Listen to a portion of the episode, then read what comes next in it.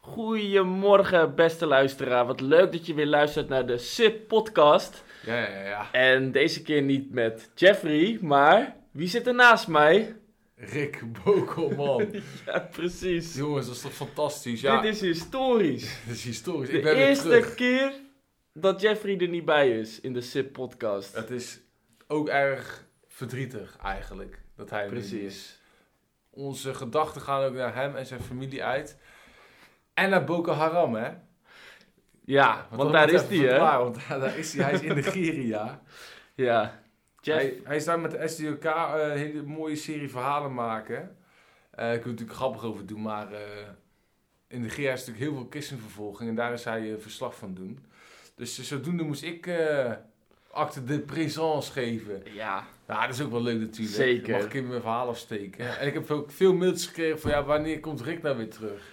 Daarom. We missen Rick. Heb jij me De gemist, mensen missen... Ja, de- ik heb je sowieso gemist. Ja? Ja, absoluut. Ja, dat is, dat is Ja. toch wel mooi, man. Nee, je bent toch een beetje de publiekslieveling, hè? Die, eh, die thuis komt. Ja, ik kan, Ja. Het, ik kan het ook niet helpen. Ja. Ik sta er zelf ook enorm van te kijken dat ik zo ontzettend populair ben in christelijk Nederland. En dat ik dan met al mijn nederigheid dan van, daar wat van moet vinden. Zo is Dat dat. ik moet zeggen, ja, maar ik ben ook maar een, een, een, een, een schepsel dat uiteindelijk ook tot stof zal wederkeren. Een gevallen Adamskind. Ja, een gevallen Ja. Adamskind dat door en door verdorven is. En die de heerlijkheid Gods ook toch niet altijd even goed recht doet. Ja. Maar goed, hey, maar je eh, bent wel ingevlogen op een mooi moment, want we hebben wel drie toponderwerpen. Ja, we hebben wel drie toponderwerpen. We gaan het hebben over de diepgelovige Amerikaan eh, John Chow. Of Chow, ik weet eigenlijk niet hoe je het uitspreekt. We gaan het hebben over Denk. Ja, Nou, Denk is natuurlijk Denk. altijd eh, stof tot tot nadenken. denken. ja. En we gaan het hebben over Hugo Bos. En dan bedoel ik niet Hugo Bos hè, van de kledingontwerper, maar Hugo Bos. ja, Ehm, want die heeft het over de islam gehad en dan gaan wij bekijken, heeft Hugo Bos ons in het bos gestuurd. ja, ik zie door de bomen het. Geval. Maar laten we beginnen met eh, dat hele verhaal over die ehm, zendeling die is overleden in, in India. Kun je daar even wat over vertellen, wat het verhaal ongeveer is? Eh, ja, hij ging naar, zo dat, naar het eiland toe, hè, in India. eh Noord Sentinel. Mhm. En eh, nou, daar, was, zat, daar zat een stam. En hij, die, de zendeling, zeg maar, John Chow, was 27 jaar en hij ging daarheen om het evangelie te prediken. En daar was die stam niet van gediend, dus ze hebben hem een paar keer gewaarschuwd. En eh, nou ja, hij gaf zelf aan, die eh, missionary, zei van, ik heb zo'n groot hart voor die mensen, ik wil erheen. En uiteindelijk is dat hem fataal geworden. Ja, en jij hebt je enorm overlopen opwinden samen met je lieftallige vrouw Amanda. Zo, eh, dat heb je gezien, of niet? Ja, ik heb het gezien, ja. Je hebt het op Facebook gezien. Want ik volg de NOS en ik zag dus dat jij had gereageerd op een berichtje van de NOS. En Facebook laat dan de reacties als eerste zien van mensen die ook jouw vriend zijn. Ja, En jij bent mijn vriend, zoals je weet. zo is En dat. Amanda is ja. mijn vriendin. Dus jullie waren nogal eh, verbolgen over reacties op dat bericht over die zendeling. Ja, ja, ja, want er waren heel veel mensen die zeiden van lekker voor hem, eigen schuld, haha. Dus mensen waren blij dat die jongen was omgekomen. Ja. En eh, eh, nou, dat vind ik, nogal, eh, vind ik nogal wat. En ik, vind, ik heb daaronder ook gezegd... eh, Ik maak ondertussen, ondertussen maakt hij een selfie. Oh, moet even wel zo. zo. Ja, die komt straks op Instagram. Toch of niet, Rick? Ja, nee, ga even Die, Instagram eh, zetten. dus, dus volg onze Maar je moet- Instagram pagina, dan kan je meteen even zien. gekke, gekke backtracken. Even 1, 2, 3, 4. Ja, lekker. Oké, oké, maar terug naar de inhoud. Eh, want deze man, ehm, eh, nou ja, dat is natuurlijk wel. eh, wat ik echt, ik, wat ik erbij zette, was dat, het, dat ik zeg van: dit is echt een reflectie van hoe harteloos onze samenleving is, zeg maar. Als je zulke Ja. dingen erop gaat zetten, dat je blij bent dat iemand is omgekomen. En, eh, Want waarom waren die mensen zo blij dat hij was omgekomen? nou ja, ze zeiden van, eh, kijk, die stam, eh, die, eh, die wilde hem niet hebben. En als hij zich dan gaat opdringen, dan is het zijn eigen schuld. eh, lekker voor je, een beetje op die manier. Ja. Ja. En die vrouw, wat vond die ervan? Nou, mijn vrouw die vond hetzelfde als ik. Want we zitten keurig op één lijn. Zoals het hoort. ja. Jij brave christenbroeder. ja. Want ja, nou, maar er was natuurlijk wel terechte ophef, vond ik. Want laten we het even nog verduidelijken eh, wat die ophef nou precies is. Kijk, die stam uit India, dat is een hele grote, nou eigenlijk geen grote, maar een, een kleine beschermde stam. Die wonen op een eiland en dat is een soort territorium waar, eigenlijk, waar je gewoon niet mag komen. Dus dat, daar begint het al. Die lieve zendeling, die ging naar een gebied toe waar hij gewoon niet mag komen. Punt. Hij ging met een vissersboot erheen. Die vissersboot wilde ook maar alleen maar tot, tot, tot punt komen. Hij moest zelf alleen roeiend met een ander klein kanootje naar de kust toe. Want hij wist, en iedereen wist, dat hij naar een gebied ging waar hij gewoon niet mocht komen. Dat is gewoon hermetisch afgesloten gebied. Daar woont dus een stam die nog helemaal in de oudheid leeft in zekere zin. En die dus ook niet van mensen is gediend die daar op bezoek komen. Die hebben dus ook andere normen en waarden. En dat weet je dus van tevoren. Right? Mhm. Nou, dan ga je daarheen en dan word je beschoten. Dus hij is toen beschoten en toen is hij... Nou, er zou er een pijl door de Bijbel heen zijn gegaan, wat ik ook een heel bijzonder verhaal vind. Klinkt haast als een film. Ik weet niet of dat dan een soort eh, verzinsel is om het nog mooier en nog, nog dramatischer te maken dan het is. Maar goed, hij is beschoten, hij is gewond geraakt. Hij gaat terug naar die vissersboot. Maar binnen no time keert hij weer om en gaat hij dus weer terug. Dus eigenlijk is hij al een keer keihard aangevallen door die stam. Het was overduidelijk, lieve John, je bent niet welkom. Wegwezen hier, van onze eiland af. Dit is beschermd gebied. Wij hebben helemaal geen behoefte aan westerlingen die hier komen. En dan ga je terug en dan word je doodgeschoten. En dan is natuurlijk de vraag van heel veel mensen die ook niet gelovig zijn. Ja, is dat dan hè, een echt ehm, nobel martelaarschap? Of heb je eigenlijk je eigen graf gegraven en is het eerder een soort van christelijke zelfmoord? Ja. Snap je Ja. die ophef? ja, ik begrijp die ophef, begrijp ik wel. Eh, het enige is natuurlijk wel dat dit... Ik ik bedoel, in Noord-Korea zitten ze ook niet op je te wachten. En in Saoedi-Arabië ook niet, zeg maar.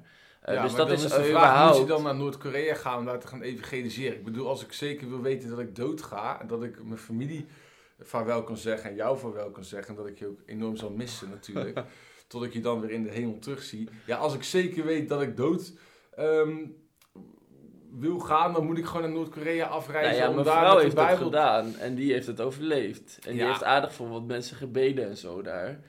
Eh, maar het ding Ja, is... maar niet zo expliciet, dat weet je ook wel. Nee. Dat niet, als je dat heel expliciet doet ehm, en je gaat er echt lopen zwaaien met een Bijbel op een Ja. van de plein en je gaat lopen preken en weet veel wat, ja, dan, ja, Nou ja, maar Is je dat komt wel op het punt af. Kijk, ik bedoel, zitten de mensen in het Westen op het evangelie te wachten? Zeg maar. Zijn de meeste...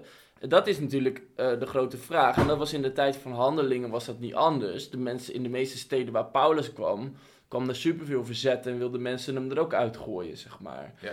En ehm, ik denk dat, eh, dat het, het punt is van die mensen zijn zoals een Paulus en zoals deze zendeling. En eh, eh, ze hebben een bewogenheid. En hij zei zelf ook van, ik kan niet... Het, het- mijn grote droom is om die stam... om met hun God te aanbidden in de hemel. Dus hij was zo bewogen over hun, over hun zielen, zeg maar. dat hij dat ook op deze manier gedaan heeft. En eh, ik denk dat dat op zichzelf eh, wel heel erg eh, in lijn is met de Bijbel. Dat, zeg maar, dat je kan calculeren en denken van nou, het heeft misschien geen zin of waarom zou ik het doen. Maar de Bijbel zegt van ga naar alle landen toe, zeg maar, weet Ja. je. En predik daar het evangelie. En, Maar, is dan, maar dan is natuurlijk de vraag van, als, me, als je erachter komt dat die mensen echt niet jou zitten te wachten, moet je dan Mhm. alsnog gaan? En als je dan beschoten bent, moet je dan alsnog nog een keer gaan? Ja, dat is dan natuurlijk dan de vraag. ja, ja. En ik denk Maar- van ja, dat is op Kijk, ik heb heel veel bewondering dat mensen zo, zo fanatiek hun ideologie en geloof volgen. Mhm. Dat ze dus eh, kennelijk hun leven ervoor willen geven. Ik bedoel, niets anders dan respect daarvoor. Echt Mhm. waar. Maar ik denk wel van, ja, ik had het niet gedaan. Misschien is het lafheid van mij. Want ja, ik vind het toch niet zo verstandig wat hij heeft gedaan. En het is natuurlijk heel, heel ook een beetje triest dat we nu zo negatief over iemand praten die ehm, overleden is. Maar het is natuurlijk ook wel belangrijk, want het uiteindelijk gaat om een grotere discussie, is hoe deel je je geloof? Ja. Deel je je geloof aan mensen die niet op jou zitten te wachten? Mhm. Ga jij het zomaar het terrein op van eh, iemands eh, kasteel of zo, waar je gewoon niet mag komen, om daar de kasteelheer met zijn blaffende waakhonden over Jezus te vertellen? Is dat nou zo christelijk als we met z'n allen denken? Helemaal als je bedenkt dat die stam, die is door de Westerlingen, hè, en ze zien hem toch als een Westerling, die zijn uitgemoord, die stam. Dus die stam, als je die, die stam iemand ziet aankomen, lopen op een eiland waar die persoon eigenlijk helemaal niet mag zijn, die blank en westers is, Mhm. dan is de eerste trigger bij die mensen, dat kun je ook in alle artikelen lezen, in eh, de New York Times, op CNN, op NOS.nl. Dan associëren die mensen dat met het kolonialisme. Want wij zijn in de naam van onze lieve Heer en Vaderland natuurlijk die landen Ja, ingegaan. Dat is zeker zo. En hebben die mensen vermoord. Dus Ja. de diepere en grotere discussie is: moet je dan het evangelie vertellen op zo'n manier? En ik denk, heel eerlijk, dat als ik niet een, zonder te vragen, zonder toestemming van de kasteelheer, eh, het terrein van de kasteelheer opga met zijn blaffende waakhonden. Als ik dat niet vraag, ja, dan, dan moet ik ook niet gaan huilen eh, als ik dan word opgevreten door die honden.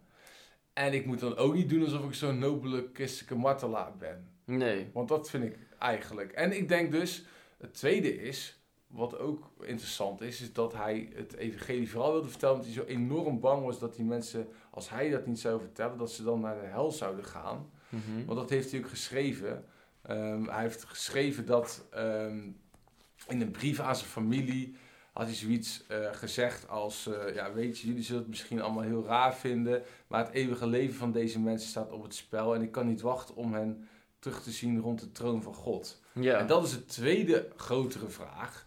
De tweede grotere vraag is ook van ja, is dat nou ook wel de beste motivatie? En dus snap ik dan die kritieken op nos.nl wel. ja. Van mensen die zeggen van ja, A, hij had er gewoon niet mogen zijn. Dus ja, eh, doe eens even normaal. En B, je moet toch ook het geloof niet opdringen of het zo brengen omdat je bang bent dat mensen anders naar de hel gaan. Ik, kan, ik zeg niet dat ik het er 100% mee eens ben met die mensen. Maar ik kan wel heel veel van die kritiek begrijpen. Mhm. Ja. En ik zou Maar zelf dus wel- niet als christen het evangelie gaan vertellen aan, als op een plek waar ik gewoon niet mag zijn en wat verboden is. En als mensen me associëren met westers kolonialisme. En B, ik zou het ook niet vertellen met de argumentatie van ja, ik wil je zo graag over Jezus vertellen, want ik ben bang dat je anders naar de hel gaat. Ja, hij formuleerde het natuurlijk zo dat hij met hun om Gods troon wilde zijn. En ik denk wel dat, eh, ja, kijk, eh, misschien zitten wij daar ietsjes anders in, in de zin van dat ik dat persoonlijk ook heel urgent beleef. En jij, Ja. jij denkt daar ietsjes ruimer over misschien, of ietsjes relaxter. Ja, wat relaxter. ja, ja, ja. Maar eh, eh, kijk, ik, heb, ik kan me daar heel goed eh, in inleven. Het idee van die mensen gaan, je, ja, zeg maar, als je de Bijbel heel letterlijk neemt, die mensen die gaan op die manier verloren. En ik denk juist, doordat hij, zeg maar, zijn leven, zijn bloed is hierdoor gevloeid. En ik denk dat dat heel erg een signaal is gegeven, heeft gegeven aan die stam, aan die mensen, van hoe ver hij wilde gaan om die mensen gered te zien worden. En ik geloof heel erg in de stelling dat, dat de, het bloed van de martelaar uiteindelijk ook zaad is voor de kerk. En ik denk dat, kijk, we, we denken nu van ja, wat heeft het allemaal voor zin gehad? Maar ik geloof dat, eh, dat er echt mensen van die stam tot inkeer gaan komen hierdoor. Omdat ze beseffen van oké, dit is iemand die zo, zo'n prijs ervoor betaalt. Eh, dat is niet zomaar iets, zeg maar. Dus dat je. eh, eh, en dat, dat is in de geschiedenis altijd geweest. Dat mensen toch een beetje verbaasd zaten te kijken naar die christenen. Die gewoon niet stopten. Ook al eh, werden ze doorboord door zwaarden. Dat ze gewoon door bleven gaan. Ja. Eh, en, en dat heeft vaak zoveel indruk gemaakt. Dat uiteindelijk mensen tot geloof kwamen, zeg maar. Ja, Dus, en, en dat is ook een beetje van... Kijk, heel veel mensen zeggen ook van... Ja, wat heeft het voor zin? Nu is zijn leven voorbij, weet je. En hij had nog zoveel mooie dingen kunnen doen. Maar ja, goed, kijk... Zeg maar bijvoorbeeld de apostelen... eh, als je kijkt naar hoe die tot hun einde zijn gekomen... Ik bedoel, Petrus die, die hing aan het kop aan het, eh, op zijn kop aan het kruis, zeg maar. En eh, kijk, als hij zo veilig leefde als bijvoorbeeld de westerse christenen... dan was dat ook nooit gebeurd, weet je. Ja. Ik denk, wij, wij hebben een soort van christendom gemaakt wat heel veilig is en waar je eigenlijk nooit in de problemen komt. En ja, dan zul je die vervolging ook niet zien. Terwijl de, de grote vraag is, is dat het normale christendom, zeg maar. En Ja, eh, maar, moeten wij oké. niet schatten verzamelen in de hemel? Ja, maar laten we dan op zijn minst eh, een, een onderscheid maken tussen toch een beetje dwangmatig, eh pusherig je evangelie delen. Nou, het was Of wel hij is- bewogenheid, dat heb ik wel erg bij hem gezien. Ja? Alles wat hij stuurde, ja. Ja, ik denk dat het bij hem dus een mix was. En dan zeg ik dus niet meer dat hij slecht was, want ik, Mhm. nogmaals, ik bewonder dat. Ik bedoel, wat jij eigenlijk zegt is ook heel goed. Dus eigenlijk zegt van ja, wij westerse christenen zijn zo gek relaxed geworden. Ik bedoel, dat is misschien nog veel erger dan dat je dus zo fanatiek eh, naar een stam gaat waar je eigenlijk gewoon niet moet komen. Als je een beetje Ja. nadenkt. Ehm, daar ben ik het helemaal mee eens. Maar ik denk dat het wel belangrijk is om altijd na te gaan. Hey, ehm, deed ik echt mijn geloof vanuit fanatisme en fundamentalisme of uit liefde en bewogenheid? En als je in zijn minst altijd probeert om het zo min mogelijk vanuit fanatisme en fundamentalisme te doen, maar zoveel mogelijk uit liefde en bewogenheid. Want dan zul je ook denk ik sneller een pijl door ofwel je Bijbel krijgen, ofwel een pijl door je hart van zo'n eh, stam. Ehm, ja, en ik, kijk, dat is ook het hele punt, hè, wat dus die critici zeggen. Van, ja, wat, wat hoor ik nou gelezen? Ja, een religie is net als een piemel. Het is prima om er een te hebben, maar je moet het niet in het gezicht van mensen beginnen te zwaaien. Ja, nee, ja, ik snap dat wel. Weet je, kijk, als, als mensen, stel ervoor dat nou een moslim, hè, laat het even omdraaien, dat er een of andere salafistische moslimvriendengroep eh, uit liefde voor Allah en de profeet Mohammed eh, jouw huis komen binnenstormen, wat jouw terrein is, nogmaals, het is jouw terrein, dat eiland was hun terrein, Ja. ja, dan sta je dat ook niet op prijs en zeg je ook, ik ga nu de politie bellen, of als je zo'n primitieve stam bent, dan pak je je pijl en boog en dan zeg je, eh, als jij nog één keer over de profeet Mohammed begint, ook al doe je dat uit liefde en bewogenheid, lieve Ahmed, dan krijg je er gewoon nu eentje door je Koran, toch? Want je moet het ook gewoon andersom eens een keer benaderen, benaderen denk ik voor mezelf dan, als je eerlijk wil zijn. Van ja, weet je, ik zou het ook gewoon niet fijn vinden. Maar ja, het is wel heel nobel en heel erg mooi. Nog even één ding trouwens, hè, Dick. Mhm. Kijk, je had het ook over die... Kijk, jij bent inderdaad wel meer iemand die heel sterk, of ja, veel sterker of nadrukkelijker dan ik in de hel gelooft. Ik ben Mhm. toch ja, gematigd of genuanceerder. Of misschien vind ik het gewoon zo moeilijk om het erover te hebben, ja. dat ik daarom gematigd ben. Mhm. Maar ik zou zelf nooit, zoals die zendeling, mensen over Jezus gaan vertellen dat ik bang ben dat ze naar de hel gaan. Want ik heb eigenlijk Jezus in de evangelie nooit betrapt op zo'nzelfde motivatie. In de zin dat hij letterlijk in één adem zei, weet je, ik ben hier nou om jullie allemaal van de hel te redden. Dat heeft Jezus nooit gezegd. Jezus heeft ook nooit gezegd, eh, jullie moeten allemaal nu in mij geloven, anders gaan jullie voor altijd en eeuwig branden in de hel. En Jezus heeft ook nooit gezegd van weet je, ik ben eigenlijk enorm bang dat jullie naar de hel gaan. Dus nu kom ik mijn liefde aan jullie geven. Dat is eigenlijk volgens mij toch een christelijk-evangelische uitvinding. Die niet per se 100% op de lijn ligt die Jezus zelf uitdroeg. Maar meer iets wat een theologisch gevolg is van hoe we Jezus en de Bijbel en het hiernamaals zijn gaan interpreteren. En dan met name vanaf de 16e, 17e eeuw. ja. Dus ik vind dat ook. Nou, maar Jezus was wel duidelijk, want hij zei bijvoorbeeld, eh, dus dat, dat zou je ook kunnen zeggen als dat was een hele dringende boodschap. Zei die bijvoorbeeld in Matthäus 10, vers 28, staat van, en vrees niet voor degene die het lichaam doden en de ziel niet kunnen doden, dus dat zijn zeg maar de mensen, maar vrees veel meer hem. En er staat hoofdletter hem, dus dat is God, die beide ziel en lichaam kan verderven in de hel. Wordt niet, weet je, dus dat is wel een... eh, eh, dat, dat soort tekst had hij wel, zeg maar. Weet je, dat je echt op moet passen van wees meer bang voor God, omdat hij de macht heeft om je in de hel te gooien. Ja, maar dat zal toch voor hem niet de motivatie zijn geweest om zijn leven te willen delen? Nee, zijn motivatie was wel de liefde, inderdaad. Dus ja, ik Maar ik denk, het maar vaak dat was toch ook bij bangmakerij, man. Want weet je, Maar dat ben... was bij hem was dat wel, bij die, die missionary. Ik heb hem, het woordje hel heb ik nergens gezien. Ik heb alleen gezien dat hij zei van, ik kan niet wachten om ze te zien voor Gods troon. Nou, hij heeft wel Dus overduidelijk gezegd, wat ik net citeerde, eh, dat het eeuwige leven van deze mensen op het spel staat. En dat dat dus zijn motivatie Ja, was. dus het eeuwige leven, niet de eeuwige dood was.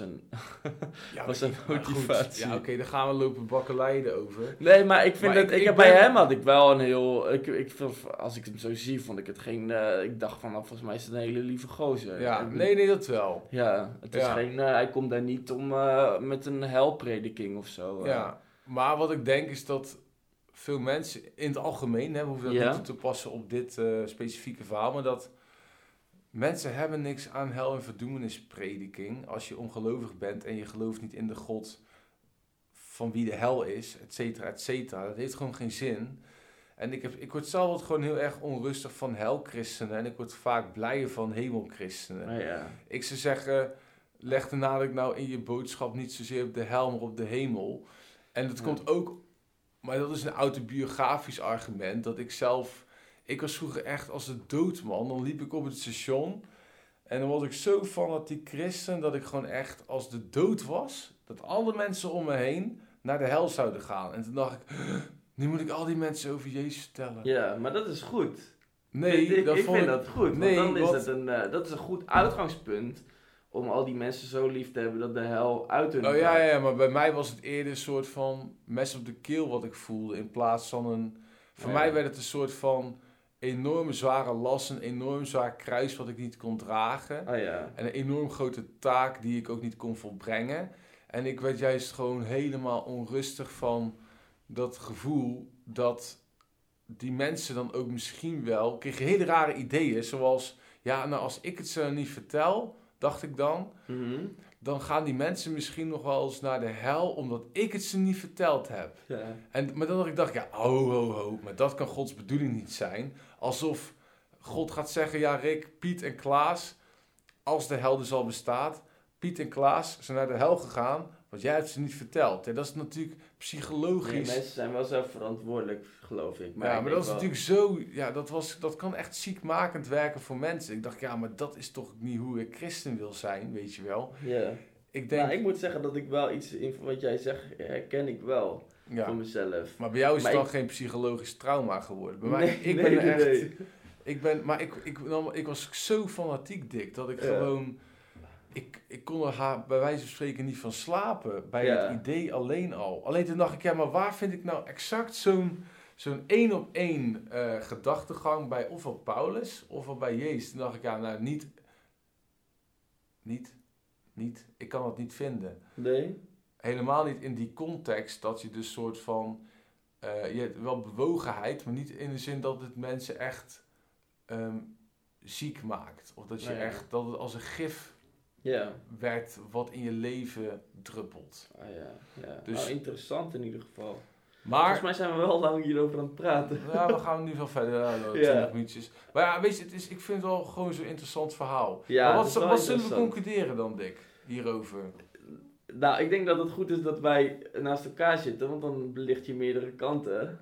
Ja. Dus als we onze allebei de argumenten bij elkaar brengen, wat krijg je dan? Nou, dan krijg je eigenlijk dat jij zegt van wow, moet je kijken, dit is nou een, is een echte radicale christen die ook een hele grote les is voor de zoetsappige, comfortabele christenen uit het Westen. Ja? Eén. Twee, moet je eens kijken, die gast die is ook zo bogen over, ook over het eeuwig leven van die mensen, dat hij dus ook bereid is om zijn leven te geven. Mhm. En laten we er alsjeblieft naar van leren in plaats van hem af te branden. Ja. En ik zit meer aan de kant dat ik zeg, ik vind het een hele grote held. Ik vind het heel nobel en mooi dat hij dit heeft gedaan voor onze lieve Heer. Maar de manier waarop vind ik niet de meest wijze.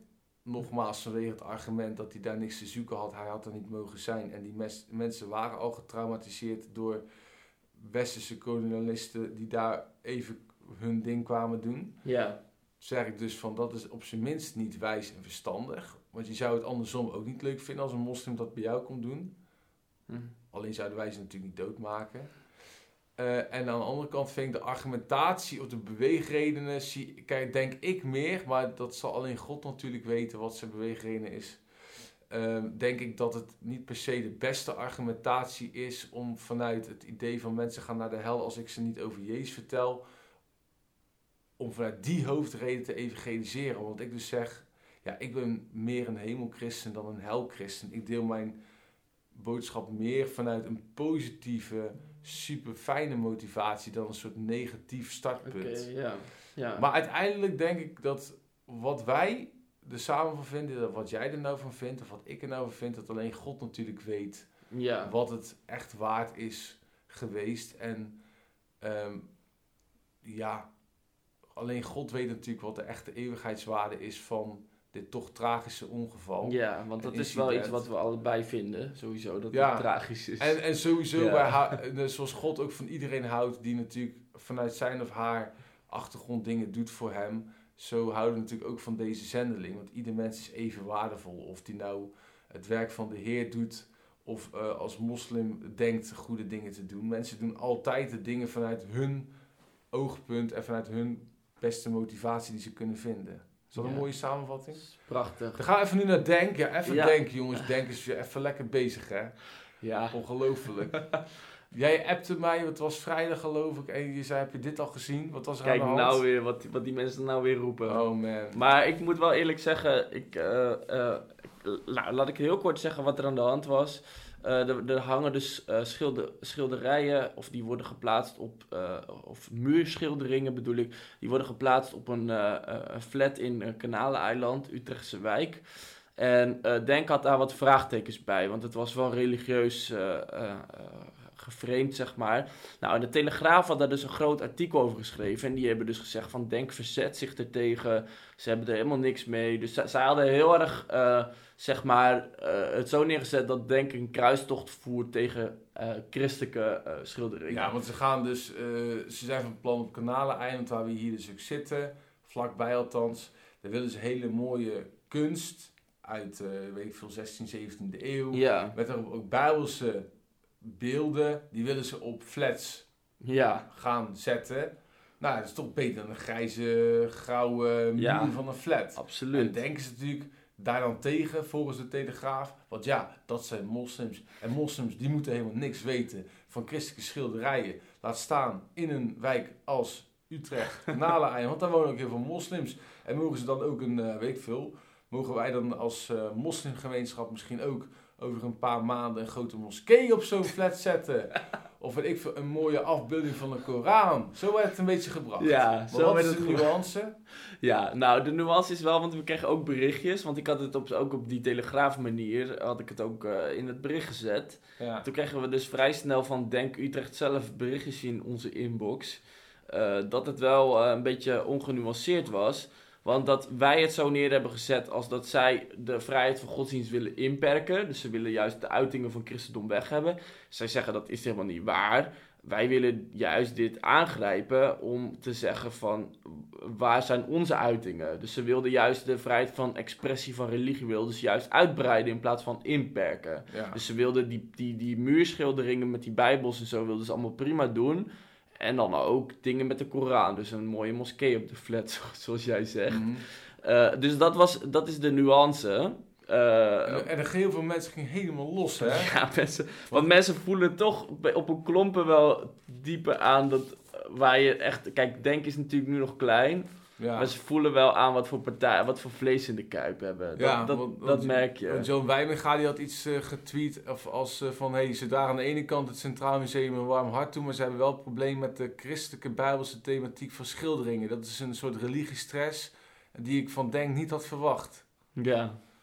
En er gingen ook helemaal mensen tegen... Kijk, dit is het bewijs dat zij uit zijn om Nederland te islamiseren. Ja. En ehm, weet ik veel.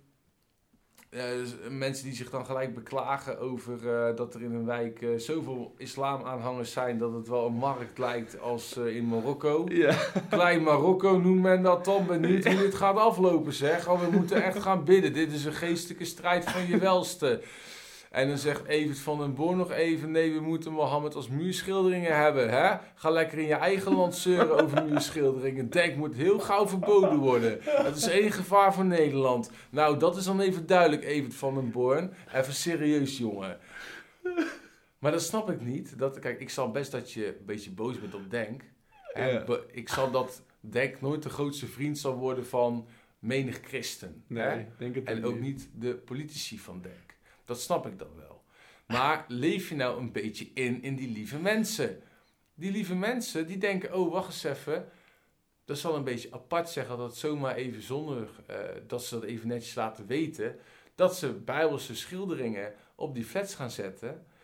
En die vragen zich natuurlijk ook af, ja, dit is natuurlijk, we snappen dat dit een christelijk land is. Maar wanneer mogen wij dan ook eens een keer iets, hè, want wij zijn toch moslims. Wij vinden islamitische kunst natuurlijk mooier dan christelijke kunst van de 16e, 17e eeuw. Wanneer mogen wij dan eigenlijk een mooie moskee op een flat gaan zetten? Ja, dat Ja. is toch heel logisch? En dan denken ze ook nog eens, ja, maar er is ook nog iets als scheiding van kerk en staat. Dus moeten we dit dan interpreteren als inderdaad een puur kunstprojectje? Of is het eigenlijk toch ook wel dat de staat een beetje partij trekt voor het christelijk geloof en voor christelijke kunst Ja. boven islamitische kunst uit het mooie Perzië van weleer? Het is toch een beetje alsof jouw eh, kleine zusje een ijsje krijgt en dan, dan wil jij er ook eentje. Ja, nee, Ja. maar dat is toch Ja. logisch? Ja. Dus dan snap ik niet, ja, dan moet ik wel erg lachen over al die opmerkingen van christenen. Kijk, en dat de islam inherent een gewelddadige godsdienst is. Nou, daar ben ik het eigenlijk wel over eens. Ik heb de Koran gelezen Ja? en ik, ja, tuurlijk, Ah. ik ben niet eh, op mijn achterhoofd gevallen. En ik denk, nou, dat, die conclusie kun je heel snel trekken. Dus dat je misschien argwaan hebt naar iedereen die moslim is, oké.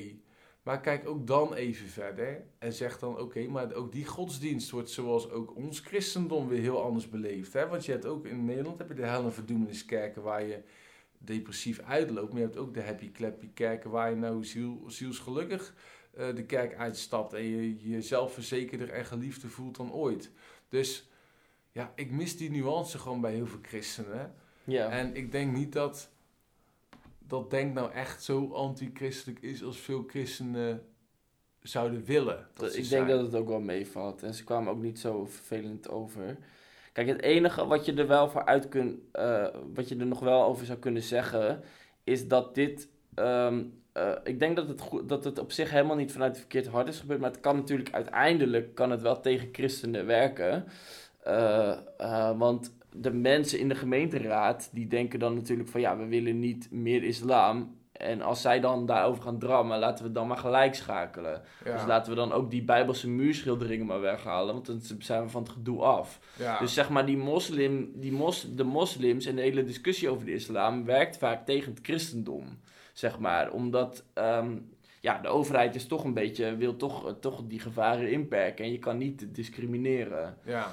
Eh, dus we hebben daar indirect misschien een beetje last van. ja, en ik Ja. denk ook, ehm, weet je, denk en ook de moslims die dat dan misschien wat minder fijn vinden, die moeten ook een beetje pas op de plaats maken. Want ja, wij hebben natuurlijk heel veel kunst verzameld in de afgelopen eeuwen. Maar ja, we waren de afgelopen gewoon heel, eeuwen heel erg christelijk. Dus dan is het logisch dat als wij duizend eh, dingen ergens ophangen in een schilderij, eh, in een museum als schilderij, of dat wij beelden ergens neerzetten, of we zetten het op een flat, dan is de kans natuurlijk gewoon heel groot vanwege onze cultuur en geschiedenis dat dat christelijke Ja, beeldenissen zijn. precies. Maar de vraag is, voor ons allemaal, is dat kunst? Nou, dan is het antwoord gelijk ja, het is kunst. En is het mooi? Nou, daar kan je van mening over verschillen. Maar dat zal nooit uitmaken, want ja, soms heb je een christelijk schilderij waarvan je moet kotsen. En, waarvan, en een schilderij van, weet ik veel, een boeddhist of zo, wat je helemaal prachtig vindt. En vice versa. Dus het is ook natuurlijk een, ehm, een kwestie van smaak. Zo Dus ik dat. denk, die nuance is wel heel belangrijk. En daarom zou mijn boodschap zijn voor alle moslimdenkend, hatende christenen. Zou zijn, leef je een beetje in. En wees heel lief voor denk. Want met liefde win je meer dan met dit soort rare reacties op onze Facebookpagina. en dat brengt ons bij Hugo Bos. Zo is dat, want die is ook niet eh, op zijn mondje gevallen, Hugo. die eh, houdt ook van stevige uitspraken. En eh, nou, ik kan het wel waarderen. Eh, en heel je veel mensen ook trouwen. Ja, ik vind, ik vind Hugo wel een mooie figuur. Want hij is een eh, katholiek activist en Ja. hij maakt zich druk over van alles en nog wat, Ja. maar ook over moslims. Ja, dus eh, we hebben heel veel dingen over gehad. Over de homo's, transgenders, maakt zich druk over moslims. Nu ook over abortus. Ja. Zij is conservatief, laten we het zo Ja, en zeggen. nu vielen heel veel mensen over een kop die wij boven een artikel hadden gezet, wat natuurlijk zijn mening is en niet onze mening. Ja. Maar die kop luidde, over 30 jaar is Nederland een moslimland. ja, en overigens moet ik wel zeggen dat het overgrote deel daar helemaal mee eens was. Van de mensen die op SIP zitten. Mhm. Want Hugo is echt heel populair bij onze eh, lezers. Natuurlijk een gouden gast volgens mij. Ja, zeker. Ja, en hij heeft goede argumenten hoor. Eh, alleen is het natuurlijk wel. eh, Bangmakerij. het- nou, dat zou je kunnen zeggen, want ehm, er was bijvoorbeeld een onderzoek geweest. Want laten we daar even gewoon op, op ingaan. Van die de- die, over die 30 jaar, klopt dat nou? Ja, is, eh, is en ik persoonlijk denk dat over 30 jaar Nederland geen moslimland En is. hij Denk jij denkt dus wel? van wel. Hij Ja. denkt van wel en ik denk natuurlijk uiteraard van niet. Nee, want in de. Kijk, zeg maar, er was ook een onderzoek en mensen denken al dat de islam zo ongeveer helemaal over ons is. Eh, want als de gemiddelde Nederlander denkt dat 19% van de Nederlanders moslim is. Maar in de praktijk is het maar 6%. Dus het is echt, dat is nog, nog minder dan een derde, zeg Mhm. maar, van wat de mensen denken dat het is. Dus dat, en, eh, nou, hij haalt natuurlijk een paar argumenten aan. Een van de argumenten dat Nederland een moslimland gaat worden is omdat de Nederlandse bevolking afneemt, omdat we bijna geen kinderen krijgen. Dus eh, je hebt 2,1 kind nodig per vrouw om de bevolking op peil te houden. En wij hebben er maar 1,0. En dat is eigenlijk veel te weinig. Dus de Nederlandse bevolking gaat halveren op termijn. Ja. Nou, dat is zijn ding. Klopt daarbij- niet. Dat zegt hij. Oh, jij zegt dat klopt niet. Ja, absoluut niet. Joh. Bij de Wereld Draait Door zat toch, eh, wat was het, de voormalig directeur van het Sociaal Planbureau. Dat is toch de, de bekendste demograaf van heel Nederland. En Ja. die had toch netjes verteld dat we van 17 naar 21 miljoen gaan in de komende jaren. Ja, nee, de, de bevolking wel, maar de Nederlandse bevolking niet. Dus we gaan... we- Hahaha. Wat slaat het op? Waar slaat het op? Even serieus, waar slaat het op? Eh, mensen die moslim zijn, hebben toch een Nederlands paspoort? Dus het zijn toch Nederlanders? ja, op die manier wel. Ja, maar kijk, gewoon de, ben- de, de, blanke echt- Nee, Nederlanders, maar zeg Dick, ik ben echt rechtser dan, dan veel mensen denken. Want absoluut, ik ben geen GroenLinkser of wat dan ook. Maar laten we nou dan wel gewoon Nederlanders Nederlanders noemen. Want alleen al dat frame, daar gaan we haarrecht van overeind staan. Want dat is eigenlijk discriminatie. Als je dus eigenlijk zegt van dat de Nederlanders eh, minder groot worden dan de moslims. Terwijl die moslims een Nederlands paspoort hebben, dan maak je al gelijk de eerste fout.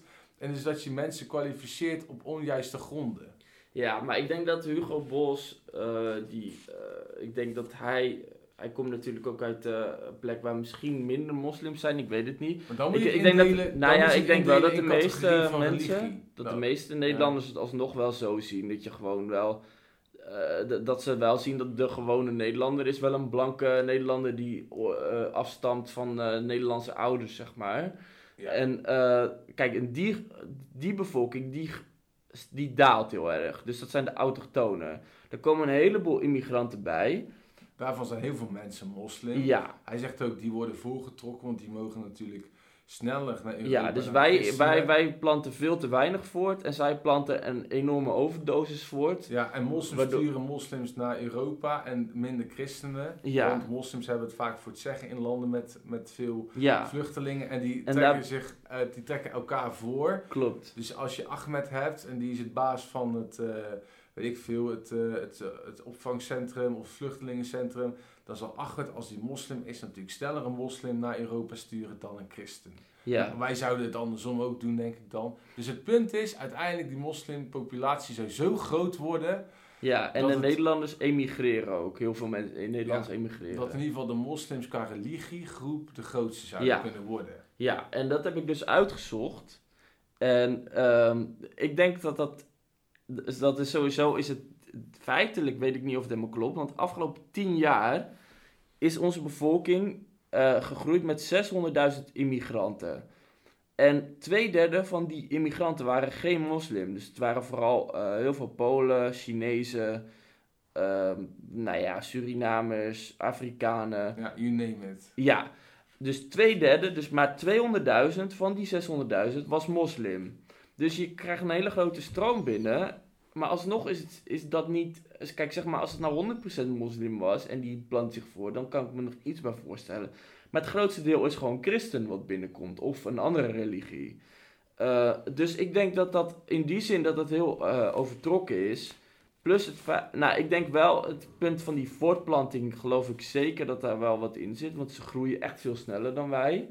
Eh, dus dat is gelijk een goed argument, ook voor jou Rick, om, om je goed voor te planten. Dat zou ik zeker doen. Ik heb al drie kinderen mogen voortbrengen, dus Dat is waar, dus je brengt het gemiddelde flink Ja. omhoog. Hulde, eh, Rick. halleluja. Ja. Dus dat is zeker een. eh, eh, dus dat is zeker. Dus daar in die zin, eh, daar, daar vind ik dat maar, maar zeker waarom, waarom, oké, maar oké, dus, dus uiteindelijk is er nou gewoon, eh, hij zegt, eh, binnen 30 jaar zijn we een moslimland, dan zijn de moslims hier in de meerderheid versus de seculieren en christenen en boeddhisten en et cetera, et cetera. Oké, Ja. Het zou kunnen, hè? Dat zou, we kunnen het ook fout hebben met z'n allen, zou kunnen. Nou, jij zegt, nou ja, ik denk dat het veel genuanceerder is, dat het niet zo is. Maar goed, wat is nou het hele punt? Waarom maakt hij zich daar zo druk over? Nou, zijn punt is: we moeten drie dingen doen. We moeten ze tegenhouden. We moeten missioneren. Dus we moeten die mensen eh, christen maken. Want als wij hun niet christen maken, maken zij ons moslim. Dat is zijn punt. En we moeten ons heel snel gaan voortplanten als Nederlanders. Anders Ja, kunnen we- waarom? Nou, omdat we anders eh, in de minderheid raken. Ja, waarom? Ja, is het dan zo erg? Nou ja, dan gaan, kunnen zij de sharia invoeren, toch? Stel dat ze Ja, maar je gaat me zijn. toch niet vertellen, dat lijkt toch, dit is, ik vind het, kijk, ik snap wel dat je denkt, hé, hey, ik ben een christen en ik ben katholiek en ik ben activist en ik zou het gewoon fijn vinden, omdat dat mijn smaakje is, hè, het is mijn overtuiging, dat iedereen katholiek en christen is. En ook, vind ik gewoon het leukste, want dat, weet je, ik ben zo en ik wil eigenlijk dat iedereen zo is zoals ik. Ja. Nou, dat is prima. Maar het vind, ik vind het nogal een stap verder gaan als je zegt, ja, en dus moeten we nou met z'n allen zo enorm veel kinderen krijgen dat we die moslims wegblazen in het aantal baby's dat we krijgen. En je zegt, ja, we moeten ze toch allemaal nu bekeren tot het christendom, anders lopen we straks hier met hoofddoeken over straat. Dan moeten we met onze vrouwen seks gaan hebben, dik. En de vrouwen met hun mannen. Alleen maar daar niet vanwege de liefde of vanwege de lust, maar vanwege Hugo Bos die vindt dat we anders in een sharia-staat komen te leven. Ja, kijk, ik maar- vind dat een beetje, sorry, het, het- je hoort het ook in mijn intonatie. Ik snap het wel dat je het zegt. Hè. Ik wil ook graag als ik Feyenoord ben dat iedereen Feyenoord is. Maar ik vind iets anders dan dat ik hè, ehm, tegen de Feyenoord supporters zeg... Jongens, fokken! We moeten meer kinderen krijgen, want anders is straks iedereen voor Ajax. Dat is, vind ik wat raar. En ik vind het ook wat raar om dan soort van... En nu moeten we ook de straten op. We gaan de straten op van Amsterdam. Om mensen te vertellen dat Feyenoord het ware voetbal-evangelie uitdraagt. Kom op man, even serieus. Dit is Nou toch geen grap of niet? Nou, nee, maar kijk, ik snap wel, ik snap, kijk, zijn hele punt is natuurlijk wel, die 2,1 heb je nodig om het op peil te houden. Stel dat je nu 15 miljoen Nederlanders hebt, het is nogal een behoorlijke omslag als wij zo weinig kinderen krijgen dat we straks maar met 7 miljoen eh, etnische Nederlanders zijn. Ja, maar, Dat is, ik ja, maar denk, dat is toch nogal wat? Ja, maar ik denk dat zijn oplossingen niet de oplossingen zijn. Kijk, Nou ja, ik denk wel dat, het, dat, dat als je twee of drie kinderen hebt, dat dat dan in kijk die zin... Ja, oké, maar kijk, ik zeg oplossing. Je moet je eigenlijk nog veel sterker afvragen: is er überhaupt een probleem? Is het überhaupt in de kerkgeschiedenis een probleem geweest dat christenen een minderheid waren? Hoorde jij de eerste christenen zeggen: jongens, we moeten nu echt snel gaan fokken en heel veel seks gaan hebben? Ja, sorry. De, vanaf dag 1 dat Jezus hier op aarde rondliep, was hij een minderheid. Dat is waar. Volgens mij ervoer Jezus het niet als een bedreiging dat hij met zijn twaalf discipeltjes, want op het einde waren er ook met twaalf over, zo gaat het verhaal, een minderheid was. Volgens mij hoorde je Jezus echt niet zeggen en dus moeten we nu gaan fokken en dus moeten we nu eh, als een gek ehm, mensen gaan bekeren, want anders dan blijven, oh nee, wat stel je voor dat de Romeinen dat die in de meerderheid blijven. Of de klassieke Joodse mensen met een Torah. Terwijl ik toch de vervulling ben van de Torah. Kijk, Ik, het ik is gewoon beloning. Is serieus, het is echt onzin. Dit is niet de manier waarop je dat doet. Er is misschien helemaal geen probleem. Ik denk dat mijn conclusie zou zijn... accepteer dat je eh, nu een minderheid bent of een minderheid wordt. En denk vanuit je eigen kracht. Hè, dus ga vanuit je eigen kracht denken. En wat hij volgens mij niet meer doet.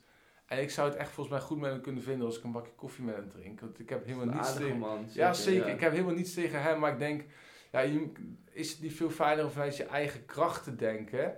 Van, joh, we hoeven ons daar helemaal geen zorgen over te maken. Want we hebben zo'n fantastisch geloof. We hebben zoveel te bieden. Dat als het ware alle moslims vanzelf wel eh, naar de kerk eh toekomen. Ja, ja, ja, zeker. Nou, dat is een, eh, goed punt, denk ik. Wat is jouw conclusie? Nou, mijn conclusie is dat ik het, eh, dat ik het ook niet geloof over 30 jaar de, de moslimland. Ik vind op zijn punt over, ook als christenen, dat je gewoon je kinderen aantal op peil moet houden. Daar ben ik het gewoon wel mee eens, denk ik. Jij bent wel voor een soort...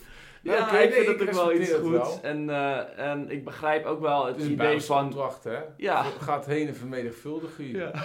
ja. Zo is dat. En, en zijn waarschuwing dat het, eh, nou ja, weet je, dat het wel een soort van groter kan worden. En ze hebben nu, ze zijn een kleine minderheid, maar ze hebben al zoveel invloed, zeg maar. Weet je, en mensen houden op allerlei gebieden, en dat zegt hij ook in het artikel, we houden op zoveel manieren, lopen we al op tenen om de moslim eh, community niet voor het hoofd te stoten. Laat staan als ze straks echt 10 of 20 procent zijn, in plaats van 50, wat ik dan misschien niet geloof. Maar ik denk wel dat het een, een zekere eh, alertheid is wel goed, denk ik. Ja, Ja. oké. nou, je kan altijd naar Amerika verhuizen, want daar wonen nog altijd meer christenen dan moslims. Dat is waar. En anders zorgt Trump er wel voor.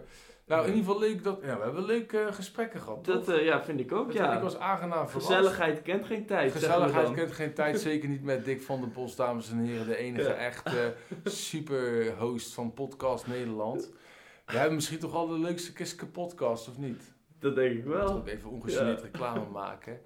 En mocht je nou prijs stellen op de mening van Dick, en in mindere mate natuurlijk die van Rick, word dan vooral C Plus lid, want daar wordt Dick heel gelukkig van. Ik zie hem stralen. En kijk vooral even naar onze mooie foto op Instagram. Dan heb je eh, gezien hoe wij hier nou gezellig zo zitten te zitten. Met Ja. een opnameapparaatje. Klik meteen ook de follow button. Follow button. Volg Instagram. Dick is ook hoofd Instagram zaken van het ministerie van Instagram hier. Ja. En ehm nou ja, ja, word C plus lid. Ik kan het niet vaak genoeg zeggen. Want zoals Jeffrey zei, daar word je een gelukkig mens van. Tot ziens, lieve kijkers, luisteraars en ander gespuis. Dit was het weer. We zullen je missen. En eh, Tot de volgende keer. Ja, met Jeffrey denk ik toch. Oh nee, volgende week ben ik er weer. Jij bent er weer. Ja. Zeker. Abonneer je op de podcast. Doei. Doei.